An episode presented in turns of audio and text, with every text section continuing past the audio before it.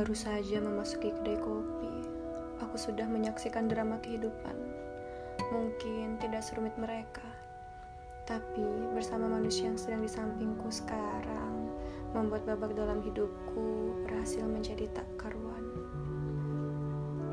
Bian, dengan tidak penuh keberanian, ia mampu menjebakku ke perasaan yang begitu dalam.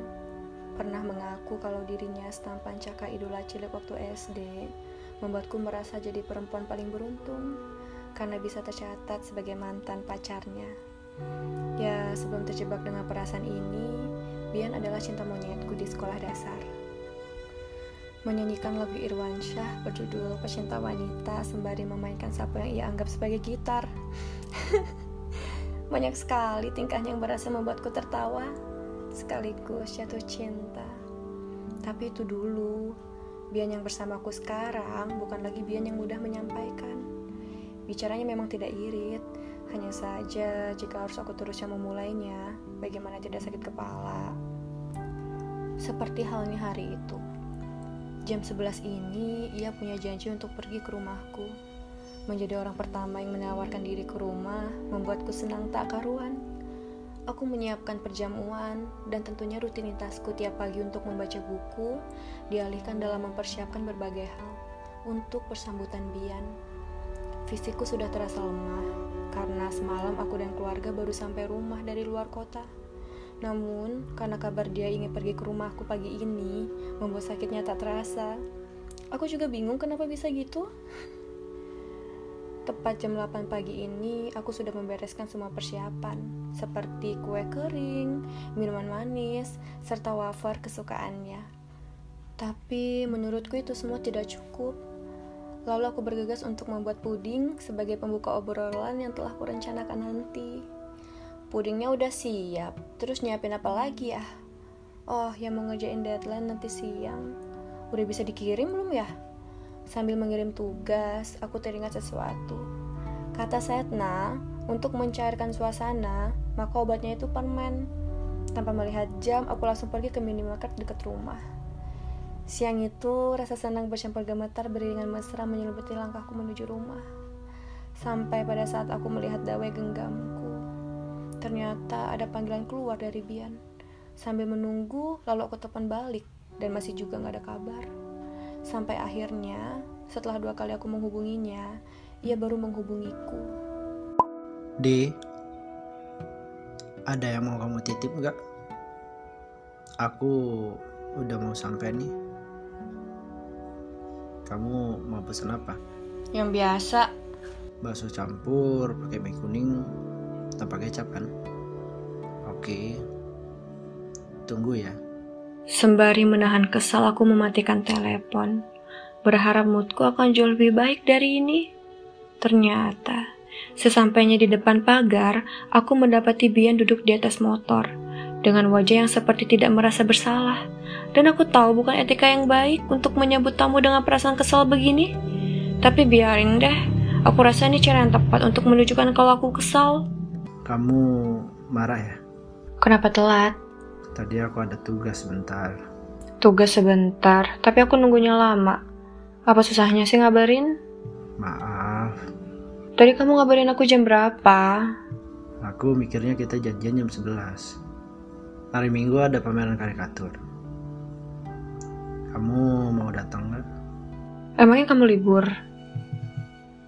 Acaranya jam 7. Janji gak akan telat? Iya, Kalau telat, kamu boleh marahin aku. Tapi jangan didiemin. kesabaranku memang selalu diuji ketika berhadapan dengan manusia satu ini. Tapi, ia juga selalu punya cara untuk membuatku tersenyum kembali. Bian dengan bahasa kakunya memang selalu bisa meluluhkanku. Tapi ternyata hal itu nggak bisa bikin aku betah berada lama-lama di posisi yang aku juga nggak tahu ini ada di mana. Sudah hampir satu tahun aku menunggu ia mengucapkan pernyataan itu lagi. Tapi hingga detik ini, gak juga ia nyatakan. Berkali-kali aku coba meyakinkan diri, tapi berkali-kali juga rasa sadar menamparku tanpa henti. Mau berapa lama lagi aku berada di sini? Aku cuma minta waktu kamu, Bi.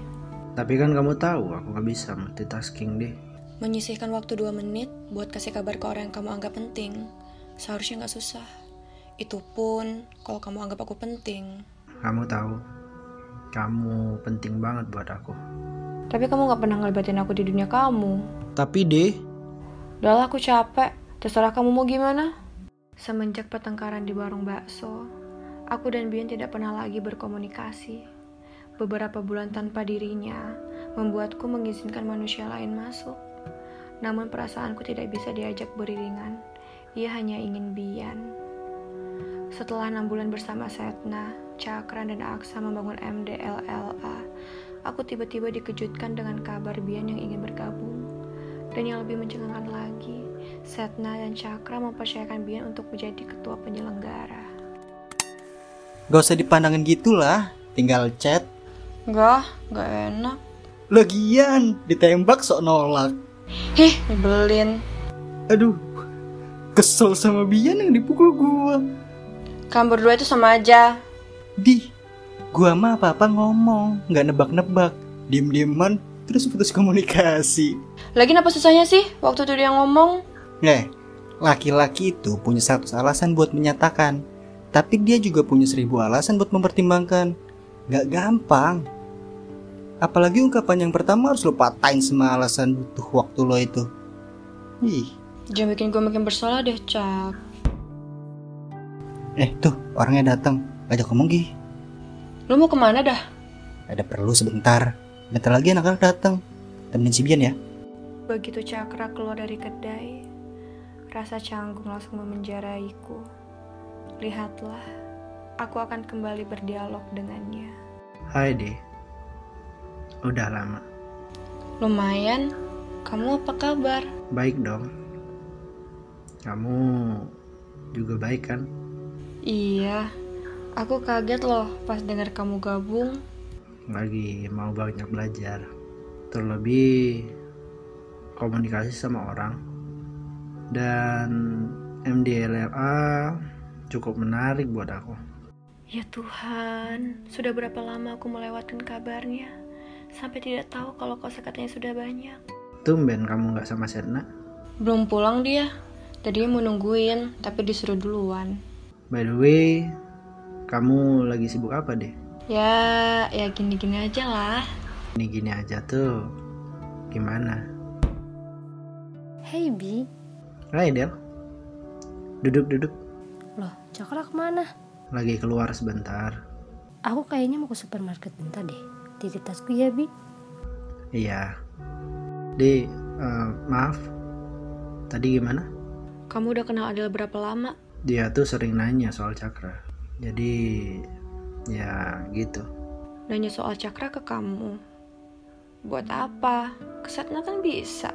Mungkin beda kali ya deh. Beda gimana? Sama kamu lebih nyaman ceritanya Mungkin. Kamu mau ke mana? toilet. Mau ku garuk rasanya perempuan itu. Kenapa juga dia harus menjadikan Bian bahan informasi soal cakra? Ya aku tahu Bian dan cakra begitu dekat. Tapi aku benar-benar gak bisa terima alasan apa pun. Sial. Kenapa rasa cemburuku gak bisa dikendalikan? OMG Dea, kamu loh yang waktu itu ninggalin. Dan ini kesempatan kamu buat memperbaiki semuanya. Jadi ditahan ya ngambeknya. Ah, lama-lama aku gila kali ya, miming sendiri. Baru saja melangkahkan kaki menuju sofa. Aku harus melihat Adel tertawa-tawa dengan Bian. Aksa ngabarin aku nih. Dia lagi OTW katanya. Kamu udah hubungin Setna. Loh, bukannya Aksa di Jogja? Apa Setna bareng Aksa ya? Loh, itu Setna sama Cakra. Melihatmu berhadapan dengannya, puisi elegi lahir tanpa aba-aba. Tadinya aku pikir kamu yang akan terkejut dengan kedatanganku. Namun, begitu melihatmu berbincang di taman dengan sosok yang begitu kau dambakan, semua berbalik. Aku ada di sana, Nak. Saat tatapmu berubah indah, begitu menatapnya. thank